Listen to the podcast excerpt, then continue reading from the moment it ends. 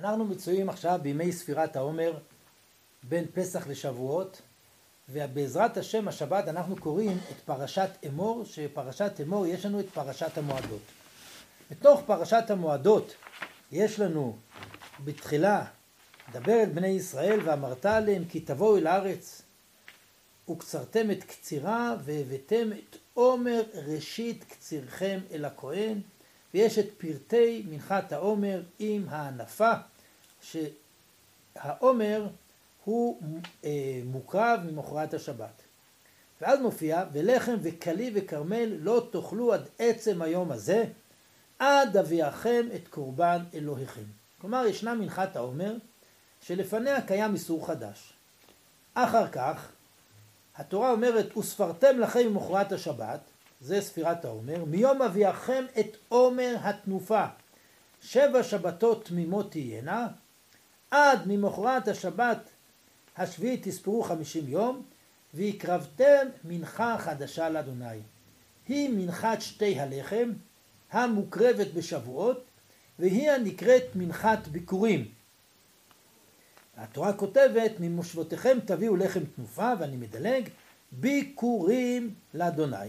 ואז יש המשך פירוט הקורבנות שמביאים עם מנחת שתי הלחם שהיא מנחת חיטים והיא מנחת חמץ והניף הכהן אותם הלחם הביקורים תנופה לאדוני. וזה למעשה חג השבועות שהוא חג הביקורים.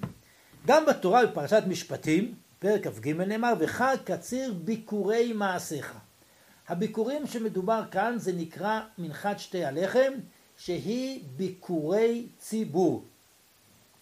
גם בפרשת כי תישא בפרק ל"ד חג שבועות תעשה לך ביקורי קציר חיטים. וגם בפרשת פנחס וביום הביקורים.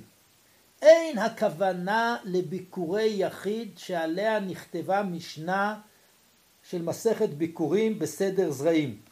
שאכן מביאים את הביקורים משבועות ועד חג הסוכות, על זה מביאים ביקורים וקוראים. שבועות איננו נקרא יום הביקורים על שם ביקורי יחיד כפי שההמון חושב, אלא הוא נקרא יום הביקורים על שם ביקורי ציבור שהיא מנחת שתי הלחם. עכשיו, זה דבר ממש מרתק שחג נקרא על שם אותה מנחה שהיא מנחת ביקורים, והוא למעשה מציאות של תהליך עמוק בין פסח לבין שבוע. ראשית, ברור שספירת העומר עניינה היא תהליך של התכוננות, של היטהרות, כפי שהזוהר בפרשת אמור אה, מתאר, כמו שאישה שניתרת לבעלה, אנחנו ניתרים לקראת יום החמישים, שביציאת מצרים, שלא היה עומר ולא היה שתי הלחם, קיבלנו את התורה. בתורה לא מופיע פה קבלת התורה, אבל בוודאי שיש פה שבעה שבועות שעניינם היטהרות לקראת יום החמישי. מנחת העומר היא מנחת שעורים. שעורים זה מאכל בהמה. מנחת שתי הלחם היא מנחת חיטים. חיטים זה מאכל אדם. ברור שישנו, ומרן הרב קוק כתב על זה, בתהליך של ההזדככות מהצד הבהמי של האדם למעלה גבוהה יותר של הדגן. חז"ל אומרים, התינוק יודע, איננו יודע לטום, אה, לקרוא אבא ואימא עד שיטעם טעם דגן. וביום החמישים יש לנו את מנחת שתי הלחם. זה צד אחד. שתי המנחות האלה הן מנחות ראשית, כלומר ראשונות. מנחת העומר היא מנחת ראשית, כי יש איסור חדש קודם. מנחת שתי הלחם, גם היא מנחת ראשית. כי היא נקראת מנחת ביקורים. מה זה ביקורים? כמו שבכור הוא הראשון, מנחת ביקורים היא הראשונה. ועומדת בפנינו שאלה, מה היחס בין אותה מנחת העומר, שלפניה היה אסור חדש, לבין מנחת שתי הלחם, שגם בה יש איסור להקריב מנחות קודם מנחת שתי הלחם מתבואה חדשה. המשנה במסכת מנחות בדף ס"ח עמוד ב' אכן מסבירה את ההבדל ביניהם, ואומרת ככה, העומר היה מתיר את החדש, היה מתיר במדינה. העומר היה מתיר במדינה, כלומר קיים איסור לאכול מתבואה חדשה עד שמקריבים את מנחת העומר. ושתי הלחם במקדש. הפתיחה של המשנה לכאורה מראה סימטריה בין העומר לבין שתי הלחם, אלא ביחס לעומר המרחב הוא המדינה, וביחס לשתי הלחם המרחב הוא המקדש. אבל בסיפא של המשנה מראים הבדלי דינים ביניהם. המשנה אומרת אין מביאים מנחות וביקורים ומנחת בהמה קודם לעומר, דין פשוט. אבל מה קורה אם הוא כן הביא? אומרת המשנה פסול. גם קודם לשתי הלחם אסור להביא, כי אמרנו ששתי הלחם מתיר במקדש. אבל אומרת המשנה שאם הביא כשר. השאלה מדוע קיים הבדל דיני בין המתיר של מרחב המדינה לבין המתיר של מרחב המקדש. את השאלה הזאת שאל רבי טרפון. הגמרא במסרת מנחות מספרת שם שיתיב רבי טרפון, ישב רבי טרפון וקקשי עליה. מה בין קודם לעומר לקודם לשתי הלחם? מדוע? הרי לכאורה היה שם בחור צעיר, טרפון היה זקן הדור, הוא שאל את השאלה, ובחור צעיר החליט שיש לו תשובה טובה, ואומר לו, יהודה בן נחמיה, יש הבדל גדול. לא אמרת קודם לעומר שכן לא הותר מכללו אצל הדיוט. קיים איסור חדש שנקרא לחם וכלי וכרמל, לא תאכלו עד עצם היום הזה עד אביאכם את מנחת אלוקיכם. תאמר קודם לשתי הלחם שהותר מכללו אצל הדיוט. אם נבהר את עומק הסברה, לכאורה סברה מאוד גדולה. קיימים שני סוגי איסורים בעלי אופי שונה. איסור אחד הוא לאו, איסור חדש.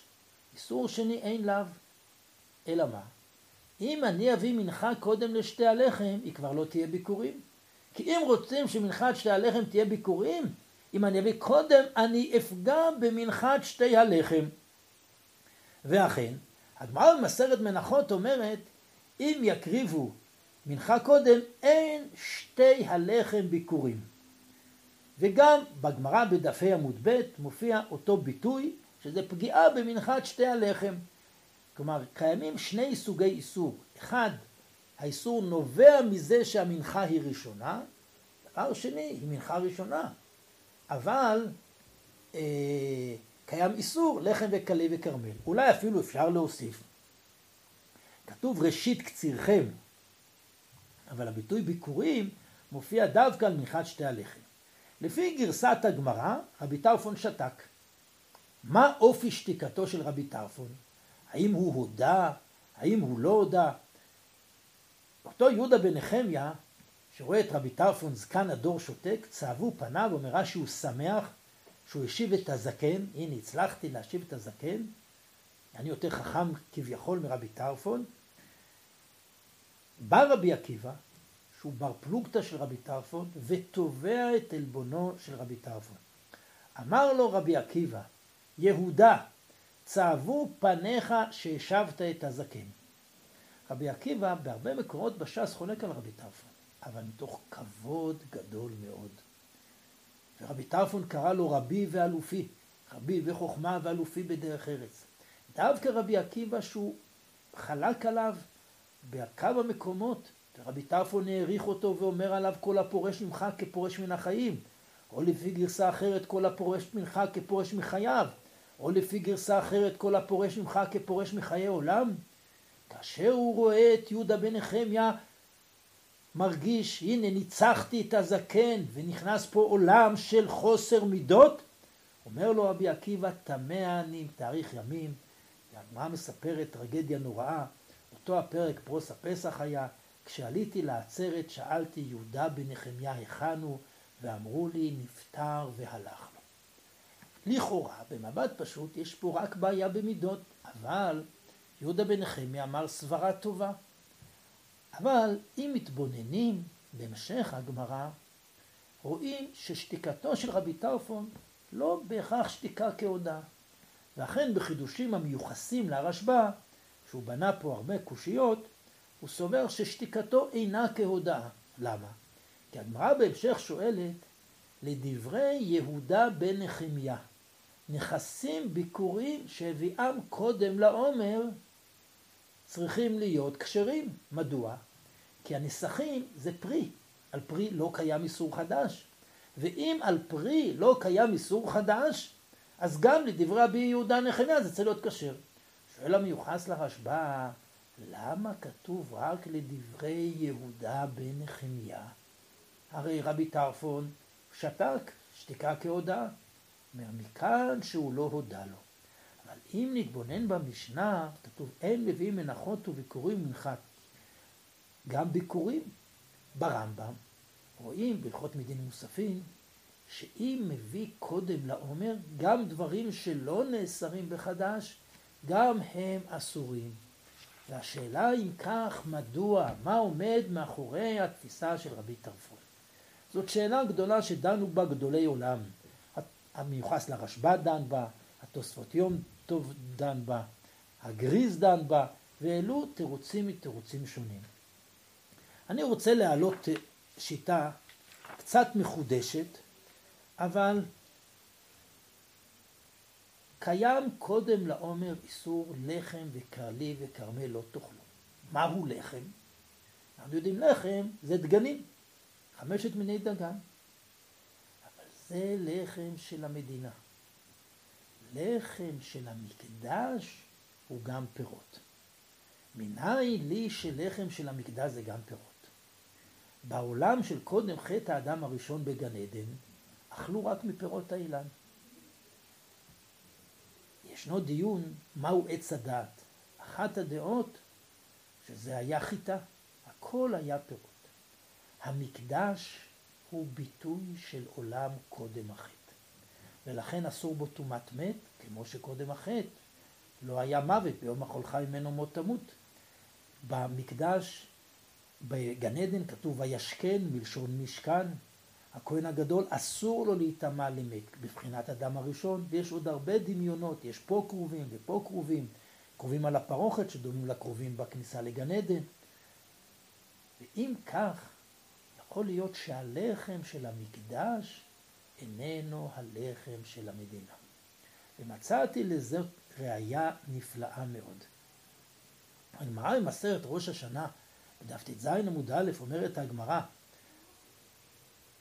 אמר רבי יהודה, אה, סליחה, אה, הגמרא אומרת ככה, מפני מה אמרה תורה? הביאו שתי הלחם בעצרת. שואלת הגמרא, למה דווקא בעצרת? ביום הביקורים מביאים שתי הלחם, מה מיוחד? אומרת הגמרא, מפני שעצרת זמן פירות האילנו. אמר הקדוש ברוך הוא, הביאו לפניי שתי הלחם בעצרת, כדי שיתברכו לכם פירות האילן. כך אומר רבי יהודה בגמרא. דברי רבי יהודה בגמרא תמוהים מאוד. בשביל שיתברכו פירות האילן צריך להביא פירות, לא צריך להביא תבואה. זה כמו שאני אגיד, הביאו לפניי קרמבו בעצרת, שיתברכו לכם פירות האילן. מה הקשר בין זה לזה? רש"י שט אינו לקושי. אומר רש"י דברי אלוקים חיים. אני שמעתי דרבי יהודה לתיימה, דאז לה כמאן דאמר בסנהדרין, דף עין, עץ שאכל ממנו אדם הראשון, חיטה הייתה. כלומר, בשבועות שתי הלחם מתיר את החדש. בפסח העומר מתיר את החדש. אבל מהו חדש הוא לחם? לחם של המדינה זה בזיעת אפיך. לחם של המקדש זה גם פירות. קיים איסור לחם וקלי וכרמל, לא תאכלו עד עצם היום הזה, עד אביאכם את קורבן אלוהיכם. שבועות מחזיר אותנו למציאות קודם החטא, שזה בדיוק מתן תורה, שכל עניין מתן תורה להחזיר אותנו למציאות של קודם החטא. נתפלל שבסייעתא דשמיא נזכה לבניין הבית השלישי ונזכה לחזור ולהתקשר למציאות הקמאית של עולם שהוא קודם החטא לעולם של פירות האילן.